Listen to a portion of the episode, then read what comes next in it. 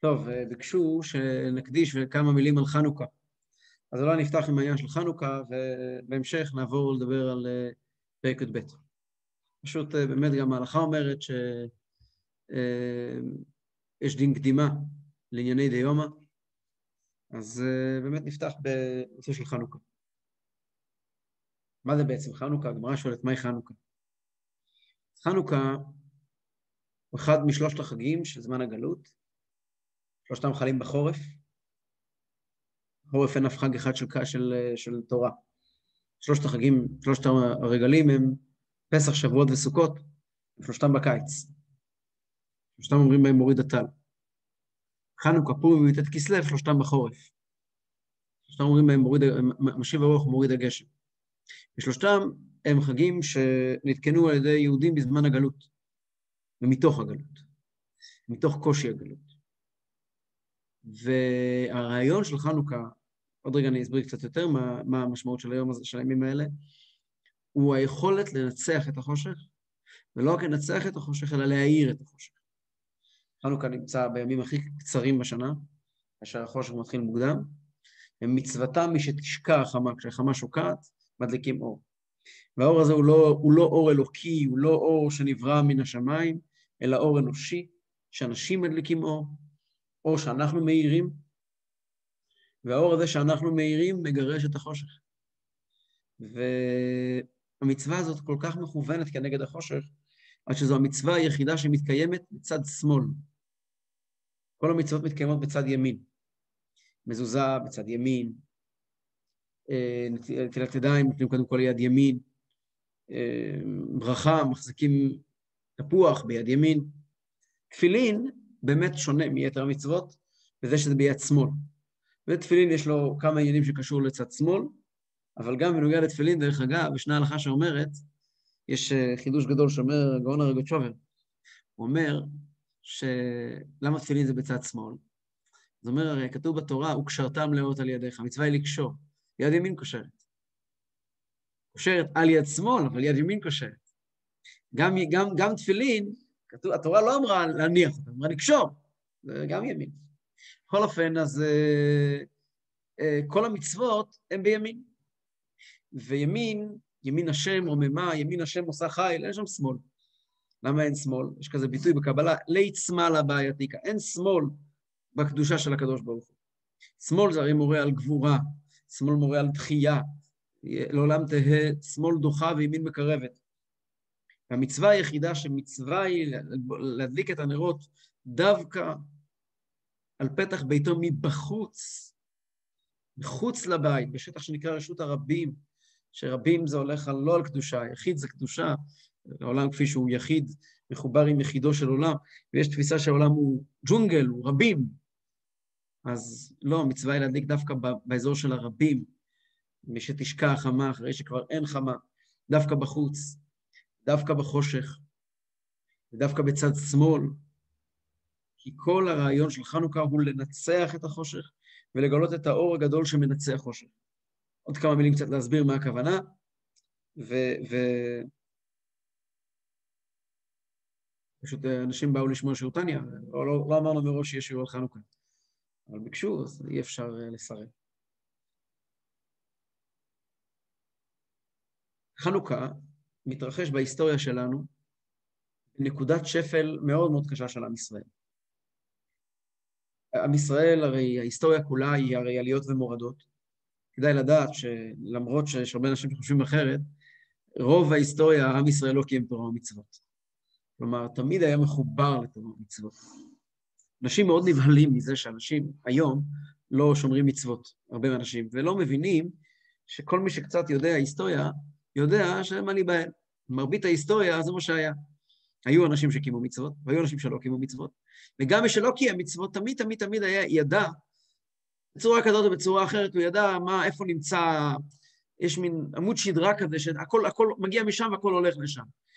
אפשר לצייר את זה כמו, אני תמיד חושב, שמין עמוד ישר שהולך, של קו ישר ממשה רבינו עד אלינו, של תורה ומצוות, ועם ישראל הולך בזיגזג על העמוד הזה, מתרחקים, מתקרבים, מתרחקים, מתקרבים כל הזמן. כפי שמתואר בהרחבה גדולה, בעיקר בספר שופטים, וגם בספר מלכים, וגם במי שמכיר את תולדות בית שני, ובוודאי אחרי בית שני, ועד היום. עד היום זה ככה. עם ישראל הולך ומתקרב, הולך ומתרחק, ולרגע לא מאבד את הנקודה. הנקודה תמיד נשארת במרכז.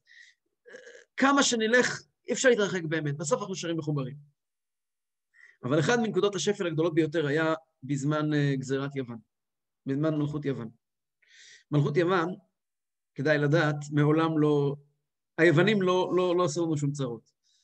נכון שהיוונים שלטו בארץ, אבל הסיפור של חנוכה לא קשור ליוון, מבחינה היסטורית בשום דרך.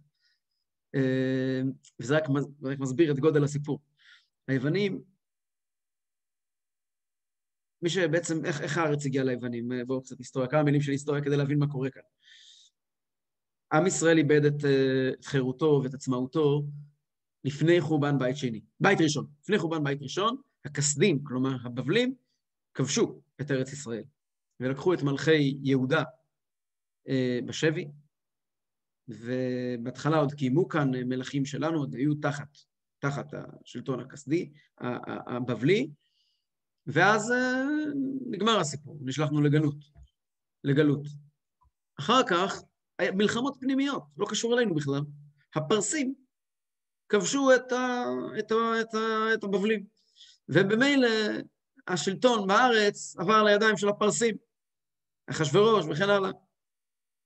ביום שכורש, העיר השם את רוח כורש, והוא אמר, אני מרשה ליהודים לעלות לארץ ולבנות את בית המקדש, אני מעודד אותם, אני אפילו מסייע בידם, בידיהם, עלו היהודים לארץ תחת שלטון כורש, תחת הפרסים. ובאמת, בית המקדש השני הוקם בסיוע פרסי. פתח סוגריים, יש תוספות במסכת עבודה זרה. זה בעצם גמרא בסנהדרין, שאומר, הגמרא אומרת, שמלכות פרס תעמוד עד משיח, כשכר על זה שהיא בנתה את בית המקדש השני. ויש תוספות בתחילת מסכת עבודה זרה, שאומר, ש... שמזכיר את זה ואומר שזה ככה צריך להיות כאן. אומר שבאמת התרבות הפרסית, המקורית, משתמרת כל כך הרבה שנים עד היום. תוספות אומרים את זה לפני 700 שנה, אבל לא השתנה הרבה מאז. התרבות הפרסית מתקיימת עד היום, כתוב שעד משיח היא, היא תחזיק. הנה מוישה הגיע, הוא יכול להעיד. מוישה, התרבות הפרסית משתמרת או לא? אה, תלוי איפה. מה פירוש תלוי איפה? יש מקום שהיא משתמרת? כן, כן. בבית שלך. בבית שלי משתדלים. משתדלים, יופי, אז הנה. יופי, עוד מעט משיח יבוא ויפסיק התרבות הפרסית. אבל אה, כן, זו התרבות הפרסית המקורית. ומה שלא קיים, למשל, התרבות הבבלית הרי היא הוכחדה, הפכה לעיראק. ובכל אופן, אז אה, הם כבשו את הארץ, ואז הגיע הכיבושים הגדולים של אלכסנדר מוקדון. אלכסנדר מוקדון כבש את כל העולם, כבש גם את ארץ ישראל. ומאותו הרגע, ארץ ישראל עברה לשלטון היווני, המוקדוני, ליתר דיוק. אבל לא זה הסיפור, זה בכלל לא הסיפור. למוקדונים לא היה שום בעיה עם החיים בארץ, עם החיים בשום מקום, הם היו מושלים בכיפה, לא עניין אותם. הסיפור הוא שהשלטון לארץ עבר לידיים סלבקיות, שזה בכלל יושב, זה, זה, זה, זה מלכות סורית שיושבת בסוריה ושולטת על כל מה שנקרא אז, אגב עד היום, אה, סוריה הגדולה שכוללת בתוכה את אה, רוב הלבנט, אה, כוללת ארץ ישראל, אבל, ופה הסיפור הגדול, חז"ל קוראים לזה יוון ויוון ויוון, כי בכלל לא עניין מי הבעל הבית, מי מחזיק את המפתחות, מי כובש, מי סולל את הכבישים, הנושא היה תרבותי, תרבות יוון. תרבות יוון כבשה את כל העולם. מדובר בתקופה של העת העתיקה, תקופה גדולה של העת העתיקה, אחרי אריסטו ואחרי אפלטון, תקופה הכי גדולה והכי מזהירה בהיסטוריה אה, של אומות העולם. אם אנחנו מדברים על המושג ימי הביניים, זה בין העת העתיקה לעת החדשה. כן, העת העתיקה הייתה חתיכת תקופה, חתיכת תקופה שאי אפשר לזלזל בה. כל מהביטויים שאנחנו מכירים היום, של כל המושגים של דמוקרטיה ופרלמנט, וכל המושגים של אפילו רפואה, והמון המון המון המון תחומים, בעצם נוצקו אז ונוצרו אז, והיום רק מנסים אה, אה, אה, איכשהו להתכוונן. רפואה אולי באמת יש חידושים אמיתיים, אבל בכל מה שקשור למדע האדם, אפילו פסיכולוגיה ומדע החברה, מדע המדינה, זה, העולם היום עדיין מנסה להתקרב לרמות האדירות שלקחו אותו הפילוסופים הגדולים באתונה. ויהודים, כמו יהודים, כל העולם כולו הפך ל- ל- ליווני, העולם הנאור. במצרים יש את אלכסנדריה, היה מרכז של חוכמה מטורפת, יוונית. וכל העולם כולו בעצם נכבש בדרך היוונית, בדרך האתונאית, ועד היום, עד היום הזה, רוב העולם עובד וחושב לטינית, חושב יוונית. קראתי פעם אצל יוסף בן מתתיהו, נדמה לי, הוא כותב, מביא את אחד הסופרים מאותם ימים, שכתב ש... שרומא כבשה את יוון, אבל היא נכבשה בידי יוון. היא כבשה את יוון טכנית, אבל בפועל הרומאים הלכו והתחילו להשקיע באסתטיקה, ובכלל, כל, כל, אין מקום בעולם שאפשר לראות את תרבות יוון יותר מאשר ברומא. רומא, הרומאים, הברברים, כבשו את יוון טכנית, אבל יוון כבשה את רומא באמת. כך יוון בעצם כבשה את כל העולם מבחינת תרבותית. חוץ מארץ ישראל, מארץ, לא מארץ ישראל, לא קראו לזה ארץ ישראל, קראו לזה אז יהודה. חוץ מיהודה. יהודה זה השטח שהיא אומנם שלטה, לא היא. השולטים שם היו אנשים שהלכו בדרך, בתרבות יוון, ובארץ לא. עכשיו, להגיד שבארץ לא זה גם לא נכון. גם בארץ הייתה תרבות יוון בכל העוצמה, אפשר לראות את זה. גם אנחנו מושפעים מתרבות יוון, ומאוד. יש מלא מילים בחז"ל שמגיעים מיוון. המון, המילה סנהדרין, ביוונית. המון המון מילים בשפת המשנה, הם כולם מיוונית. והמון מושגים מגיעים משם. חז"ל לא הכחישו את חוכמת יוון. הם לא הגיעו ואמרו, זה לא חוכמה. הם לא הגיעו, להפך, הם אפילו שיבחו את חוכמת יוון. ואמרו שקדוש ברוך הוא אמר, יפת אלוקים ליפת, הכוונה היא לחוכמת יוון. ועל התרבות היוונית, תרבות של כפירה, תרבות שמהללת את, ה, את, ה, את, ה, את הכאן ועכשיו, את צורכי האדם, ואין בה, אין בה אמונה אמיתית בכל אחד, במשמעות לעולם. ב- ביוון שאלו על כל דבר ממה הוא עשוי. בירושלים שאלו על כל דבר למה הוא פה. לצורך מה? למה הקדוש ברוך הוא ברא אותי? לא ממה, השאלה של, השאלה של חכמי ישראל היא לא ממה היד שלי עשויה, אלא למה הקדוש ברוך הוא ברא לי יד. שאלה אחרת לגמרי. תפיסת עולם אחרת לגמרי. ביוון שאלו איך נברא העולם. בירושלים שאלו למה נברא העולם. ואלו תפיסות עולם אחרות לגמרי, שונות לגמרי. ולכן המציאות הזאת ש, שיהודים הולכים בדרך שלהם הפריעה מאוד ליהודים. ליהודים אחרים שהיו מתייוונים ומאוד מאוד לא אהבו את זה, והם הלכו, וכידוע, דברים ידועים, ש... לא אספר כעת כל סיפור, כל סיפור חנוכה, אבל נוצרו גזרות ב, ב, ב, תחת החותמת הרשמית של הממשלה, גזרות בעיקר נגד מצוות אה, שהיו נראות כאילו, כאילו אה, חותרות נגד המוסר האנושי הבסיסי, שמקובל כעת, כמו ברית מילה. אנשים באים פה כעת אה, ליצור פגם בגוף האדם, בעצם הפך כל, כל הרעיון של האסתטיקה. ושבת, שבת זה בעולם העתיק. אני לא יודע אם, אם, אם אנחנו היום מבינים עד כמה הרעיון של שבת הוא רעיון רדיקלי, הוא רעיון שהוא קיצוני באופן לא נורמלי. אי אפשר, אנחנו, אני חושב שאנשים היום לא מסוגלים להבין עד כמה רעיון השבת הוא רדיקלי, כמה שהוא שונה מהעולם.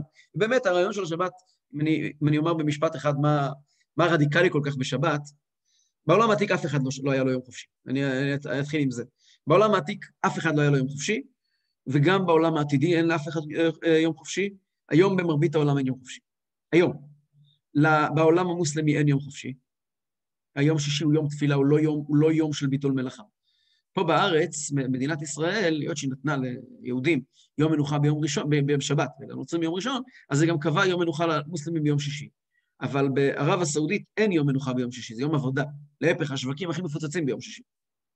הדת האסלאמית לא אומרת לא לעבוד פעם בשבוע. ו- ו- והדת המודרנית ודאי שלא אומרת לך לא לעבוד. האם בן אדם נורמלי בוול סטריט מפסיק לעבוד פעם בשבוע? למה? כל מי שהוא עצמאי מפסיק לעבוד פעם בשבוע. אלה שמפסיקים לעבוד פעם בשבוע זה אנשים שעומדים על, אנשים שנמצאים ב, ב, בתוך העולם המודרני, הסופר-מודרני, או הפוסט-מודרני, ש, שנמצאים במעמד של מקבלי משכורת, ויכולים לעמוד על זכויות כאלה ואחרות, אז יש להם יום חופשי אחד בשבוע, שביום הזה הם עושים עבודות אחרות.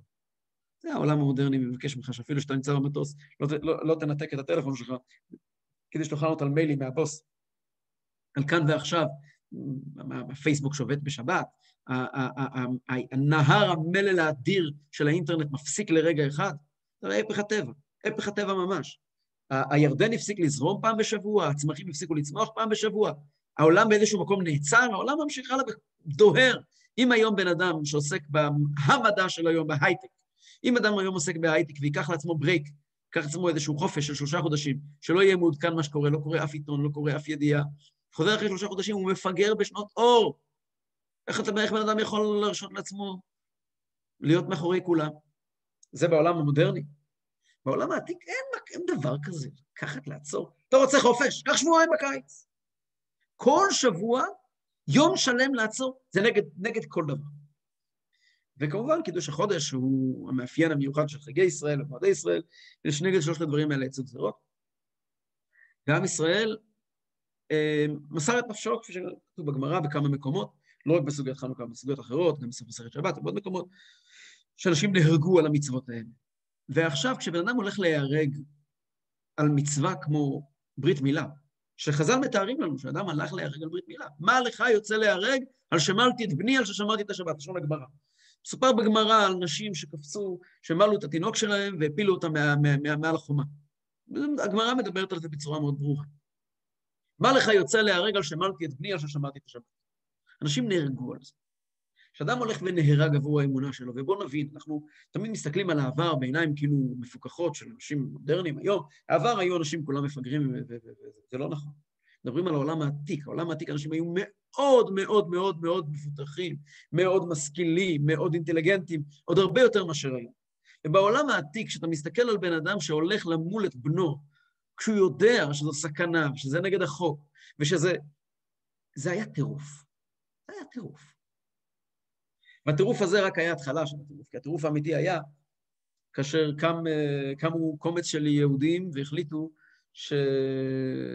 יהודים כהנים, כן, מכירים את הסיפור, והחליטו שאנחנו הולכים למלחמה כדי להחזיר את עבודת הקודש וכדי להפסיק את הרדיפות הדתיות. הם הלכו להילחם, לא, לא, לא, מדינה קמה להם בפוקס, הם לא התכוונו. הם הלכו להילחם על, ה, על העצמאות הדתית שלהם, העצמאות התרבותית שלהם. וזו הייתה מלחמה נגד הבלתי אפשרי, וזו הייתה התאבדות. זאת הייתה התאבדות ממש. וההתאבדות הזאת וה, וההליכה הזאת באו מאיזושהי עוצמה שהיא נגד המוסכמה החברתית באותה, באותו זמן, ובכלל. זה בעצם ה- ה- ה- ה- הכוח לקום נגד הכל, כאשר אין נביא ואין חוזה. בואו בוא, בוא נתפקס, כן? מדובר באמצע בית שני, אין שלטון יהודי כבר 300 שנה.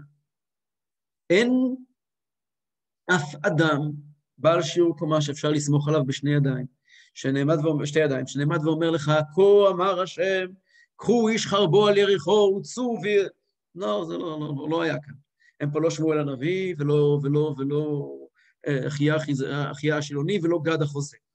קבוצה של אנשים שבעיני עצמם חושבים את עצמם אנשים קטנים, שנלחמים בשיניים על התרבות היהודית שלהם, שנלחמים בשיניים על האמונה שלהם. ראיתי אצל הצמח צדק, הוא אומר משפט נפלא, הוא אומר, אה, כתוב מצוות אה, חנוכה, כתוב שמצוותם היא שתשקע החמה. זאת אומרת, יש שמש ויש חמה. שמש זה בלשון התורה. בתורה לא כתוב בשום מקום חמה. חמה זה בלשון חכמים. בתורה כתוב שמש, בחז"ל כתוב חמה. והתקופה הזו המסוימת שאנחנו מדברים, גם חמה כבר אין, גם חכמים כבר אין. למה חכמים כבר אין? יש גמרא במסכת אה, מועד קטן שאומרת, מסכת חגיגה, שאומרת שהמסורת הטבעית של משה רבינו מדור לדור נמשכה עד ימיהם של יוסף בן יועזר איש צרדה ויוסף בן יוחנן איש ירושלים. כך אומרת, המש... אומרת הגמרא במסכת, במסכת חגיגה. ומשם זה כבר משהו אחר, זה לא המסורת הטהורה שעוברת עם משה רבינו, עד, עד, עד יוסף בן יועזר איש צרדה ויוסף בן יוחנן איש ירושלים. כשמסתכלים בהיסטוריה, מתי יוצא יוסף בן יועזר איש צרדה ויוסף בן יוחנן איש ירושלים? דור לפני חנוכה. תקופת הגזרות. כלומר, גם חכמים גדולים. גם באמת העוצמות של המסורת, של חכמי ישראל הגדולים, גם זה, שקע גם החמה. לא רק השמש, אלא גם החמה שם. תקופה שאין התגלות, אין, אין גם כן יכולת לחוקק חוקים חדשים. גם אנשי כנסת הגדולה אינם. התנ"ך סגור על ידי אנשי כנסת הגדולה. התפילה סגורה. חג השלישי, י"ט כסלו. אה, התפילה סגורה. אין יכולת, התקנות הן תקנות מאוד מקומיות, מאוד נקודתיות. ו- וקמים אנשים ועושים את המלחמה הזאת. זה היה בעצם, התגלה כאן שיהודי מסוגל לגלות משהו שקיים אצלו מאוד עמוק, שחזק יותר מכל דבר אחר. בשיא החורף, זה הרי בדיוק הפוך מפסח שבועות וסוכות. פסח כי הקדוש ברוך הוא הוציא אותנו ממצרים. שבועות הקדוש ברוך הוא נתנו את התורה. סוכות, כי בסוכות הושבתי את בני ישראל והוציא אותם מארץ מצרים. חנוכה. מה זה חנוכה? לבד, בחושך, בתרבות זרה, בתרבות שהיא באמת מאיימת עלינו. לא כל תרבות מאיימת עלינו. יהודים, ברוב ההיסטוריה, יהודים לא אה, אה, את הגויים. כשמדברים על יהודים בארצות אשכנז למשל, ארצות, ארצות, ארצות הנוצרים, ברוב ההיסטוריה, מי שיודע היסטוריה, יהודים לעגו להם. כשישבו חכמי צרפת למשל, בעלי התוספות, ובמאה ה-13, 14, 12, 13, 14, ועסקו בתורה, הפער התרבותי, הפער האינטלקטואלי בין היהודי, בין רבי יחיאל מפריז, בין רבי שמשון משאנץ, לבין השכן שלו, next door neighbor, הגוי הצרפתי בן המאה ה-12, הוא פער של אלפי דורות. השכן שלו עוד אוכל בני אדם, עוד, עוד, עוד לא ירד מהעצים. והוא עוסק בשכל הכי עמוק שיכול להיות. אין שום קשר ביניהם. מעולם לא הייתה טיפונת של הערכה של היהודי לגוי השכן שלו. בטח לא בצרפת ולא בגרמניה, אז, בימי הביניים. ולא באנגליה, בטח שלא, ואפילו לא בספרד. בספרד המוסלמית היה קרבה, כי, כי המוסלמים היו אנשים מאוד נאורים, מאוד מפותחים, באמת, באמת שם הכל היה אחרת. אבל עדיין גם הם ידעו שהיהודים הם דרגה אחרת. פה נמצאת תרבות סופר אינטליגנטית, שיש לה מה לומר, ואפילו התורה לא באה ואומרת, שמע, הם מדברים שטויות. ובתוך התרבות הזאת קמים אנשים נורמליים, ופתאום מתגלה היהודי המטורף, היהודי המשוגע הזה שלא מוכן לוותר על כלום, והולך על מסירות נפש, זה נגד הכל. זה נגד הכל. ו... ו... בדיוק השבוע ראיתי רעיון של אדמו"ר הזקן, שממש תופר את כל הרעיונות האלה ביחד. הרי, הרי פירוש המילה חנוכה, פירוש המילה חנוכה, זה שחונכים משהו מחדש, מתחילים משהו. מתחילים מה? ומי שיודע, חנוכה לא היה רק פעם אחת. כשבנו את בית המקדש, כשבנו את המשכן, פעם הראשונה, משה רבינו בונה את המשכן, בצלאל ואוליאב, כן, בונים את המשכן במדבר, אז מציינים, מבקשים מכל אחד מהשבטים, מתבקש, לתת קורבן מיוחד לכבוד חנוכת המזבח, 12 ימים. קוראים את זה בתורה בימים האלה בחנוכה. אז יש לנו חנוכה ראשונה. אחר כך בספר מלכים כתוב שכאשר שלמה המלך בנה את בית המקדש השני, את בית המקדש הראשון, הוא הקריב אלף עולות. למה? הוא עשה חנוכה. הוא חנך את בית המקדש, הראשון. הוא לקח את המזבח, הוא לקח את, ה, את, ה, את, ה, את המנורה, הוא לקח את השולחן, השולחן, השולחן, כל מה שהיה בבית המקדש, שהיה בעצם חול וקידש אותו, על ידי הקרבת קורבנות באופן מיוחד. בבית המקדש השני גם היה חנוכה והקמת בית המקדש השני. וגם בספר יחזקאל מתואר שכאשר משיח יבוא במהרה בימים, גם יהיה חנוכה. כתוב בספר יחזקאל. נדמה לי שהוא מביא שם תהליך של 180 יום שיהיה, של קורבנות שונים שיקריבו כאשר משיח יבוא. החנוכה הזאת, כאשר חרב בית המקדש בידי היוונים, יוונים, תרבות יוון, כן? כאשר הם נכנסו לבית המקדש והחריבו אותו, הם לא שברו את, את, את, את, את, את ההיכל, הם לא שרפו את ההיכל. אבל הם כן לקחו את המנורה, והם כן אה, אה, הם חיללו את המזבח, ונוצר צורך לבנות מזבח חדש. ונוצר צורך אה, לתאר את הכל מחדש ולהתחיל את הכל מההתחלה. את החנוכה הזאת החליטו לקבוע לדורי דורות. ולמה? מה, מה בעצם קורה כאן? אז בעל התניא ראיתי כזה ביטוי מעניין באחד המאמרים שלו, שהוא אומר, חנוכה, כשהקדוש ברוך הוא אמר למשה רבינו לבנות בית המקדש, הפעם הראשונה, משה רבינו פשוט היה צריך להביא את הקדוש ברוך הוא לעולם, לחדש בעולם קדושה. כשרוצים לעשות משהו חדש, צריכים לעשות, אה, לתת הרבה כוחות על זה, ולתת, אה, ויותר קורבנות מן הרגיל. כאשר בנה שלמה מלך בית המקדש הראשון, שוב פעם הוא היה צריך להעביר את הקדוש ברוך הוא למשכן של קבע, לבית קבוע, מה שנקרא בית עולמים, וגם זה דורש, דורש השקעה מיוחדת. וככה גם לעתיד לבוא. אבל בחנוכה הסיפור הוא שונה. בחנוכה הסיפור הוא לא שאנחנו מתחילים משהו מאפס. היה לנו בית מקדש, הוא פה מול העיניים, ואנשים מתוכנו מצאו ערכים גדולים וחשובים יותר מבית המקדש, וחיללו את בית המקדש. זה לא הפירוש שאני כעת לוקח אה, אה, אה, אבני מזבח שמעולם לא היו, בונה עליהם מזבח, מתחיל דבר חדש. לא, זה לא משהו חדש מתחיל. זה משהו ישן מאוד, שבעצם הוחלף במשהו מודרני וחדש ומוצלח, ופתאום הגיעו כמה פנאטים ומחליטים להחזיר את הגלגל אחורה.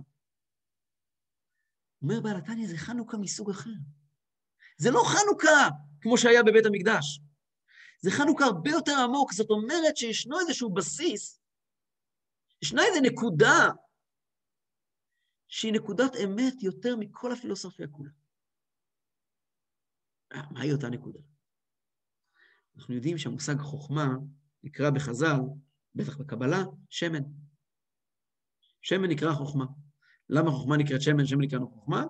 כי כתוב בחז"ל ששמן הופך אנשים לחכמים, ושמן מביא לזיכרון, אבל גם כי שמן הוא דבר שהוא תמיד, אם שמים שמן על, על סלט למשל, אז הוא, מערבבים אותו, תוך שנייה נמצא בכל פינה, אבל מצד שני הוא תמיד צף מעל. יש לו שתי תכונות מנוגדות. מצד אחד הוא מעל הכל, מצד שני הוא מעובב בכל. זה, זה עניין שנקרא, זה חוכמה. ויש כל מיני חוכמות. יש חוכמות יפהפיות, שמן זית, זך, אבל טמא. מה זה טמא? למדנו בפרקים האחרונים בתניא, מעורבב בהמון אגו, בהמון אני. זה טמא. זה לא, לא מבטא את הקדוש ברוך הוא. והשמן הזה, הטמא, זה למעשה המלחמה. זו המלחמה שעליה היה מלחמה. וכאשר באו לכבוש את בית המקדש, לעשות חנוכה, למצוא אותו מחדש, הלכו וחיפשו האם ישנו שמן שלא טמא. זאת אומרת, החיפוש היה לא רק במרחב הפיזי של בית המקדש, אלא גם בבית המקדש הנפשי. האם ישנה נקודה שבה אני יכול לעמוד מול היווני ולהתמודד איתו? אם אני יכול לדבר עם היווני ראש בראש, זה לא התמודדות. לא על זה מדובר. אם אני, היווני טוען א', אני אומר לו ב', בסדר, אז הוא אומר ככה, אתה אומר ככה, אז היום הוא אתה מנצח, מחר הוא מנצח. במקרה הצלחת לנצח אותו, בטענה היום, אבל מחר, מחר הוא ינצח אותך. מי אמר לך שיהיה לך המשך? אבל כאשר מתגלה איזשהו פח אחד של שם, איזו נקודה קטנה אחת, שכאשר היא מתגלית, אין, הסיפור נגמר, שהתגלה נקודת מסירות הנפש, אותה התמסרות מטורפת של בני חשמונאי שהלכו על כל הקופה ולא ויתרו על כלום, שהלכו על הכל. כשהתגלה הנקודה הנפשית הזאת, בעצם התגלה סוד גדול שלא ידעו אותו לפני כן, וזה מה שחוגגים בחנוכה, התגלה שלא יעזור שום דבר. כשהיהודי רוצה, כמה שהוא נראה מנותק, כמה שנראה שהעולם גדול ויפה ומודרני ומוצלח, ישנו אצל היהודי נקודת טירוף פנימית שמנצחת את הכול.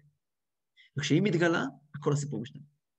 כשמצאו את הפח אחד של שמן, חתום בחותמו של כהן גדול, והסיבה שהלכו להדליק איתו את המנורה, ההלכה אומרת הרי שהיה מותר להם על פי ההלכה להדליק בשמן טמא. יש הלכה שאומרת, טומאה הותרה בציבור. והסיבה שהם התעקשו להדליק את המנורה דווקא בשמן הטהור, וחיפשו שמן טהור, הייתה כי הם ידעו, הם אמרו, אנחנו לא נלחמנו כדי להדליק בשמן טמא. כל המלחמה הייתה כדי להדליק בשמן טהור. לכן יצאנו לקרב. יצאנו לקרב כדי להקריב... סתם, היסטורית, בחנוכה לא הסתיים שום מלחמה. המלחמה נמשכה עוד לפחות 30 שנה. והיו עוד הרוגים קשים במלחמה הזאת. הסיפור לא הסתיים, האפי אנד של חנוכה. על פניו, מי שיודע, מי שקורא את המקורות, ספר מכבים בן מתתיהו ועוד מקורות, יודע שהמלחמה בכ"ה בכסלו לא הסתיים כלום. זה היה באמצע הקרבות. והקרבות עוד נמשכו ונמשכו ונמשכו. אבל מבחינתם הגענו למאה אחוז הצלחה. מה ביקשנו? ביקשנו להגיע לבית המקדש, זה מה שביקשנו. עשינו את זה. הגענו לנקודת האמת הפנימית, והוצאנו משם שמן זית זך. ולכן הם אמרו, אנחנו לא מוכנים לוותר. אנחנו נקריב דו, אנחנו נדליק ונאיר את האור, את החוכמה, דווקא של אותו שמן זית זך, טהור, טהור. אז נכון שאפשר, אולי הוא מספיק רק ליום אחד.